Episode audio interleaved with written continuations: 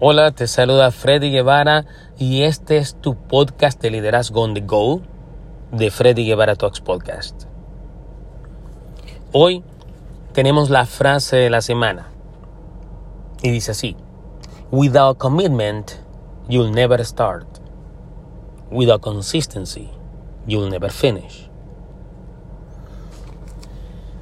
Sin compromiso, sin el compromiso, tú nunca podrás empezar. Sin consistencia, nunca podrás terminar.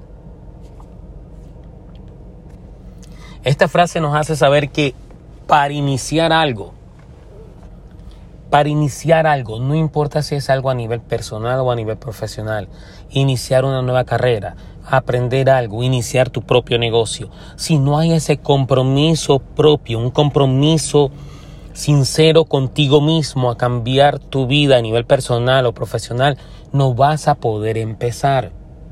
Y aquí no se trata de que si estás motivado o no a lograr algo, si tienes un sueño o no lo tienes.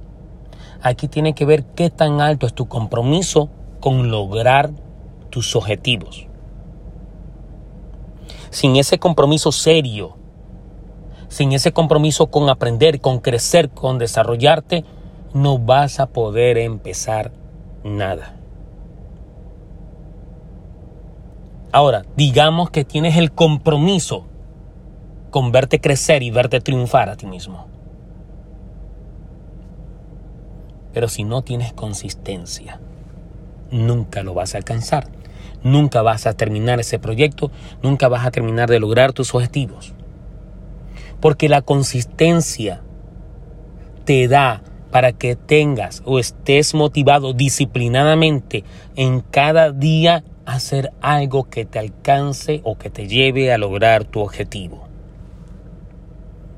Tampoco es de motivación, tampoco se trata de conocimiento.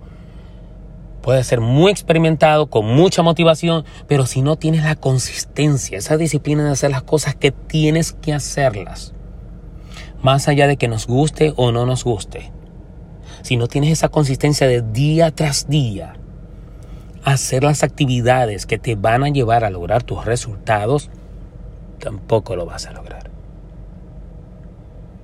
Entonces te dejo ese mensaje para que no solamente adquieras el compromiso de lograr tus objetivos, ese compromiso serio de lograr lo que quieres, sino que también te mantengas consistente en tus actividades para lograr tus objetivos. Recuerda, sin compromiso nunca empezarás y sin consistencia nunca terminarás. Hasta la próxima.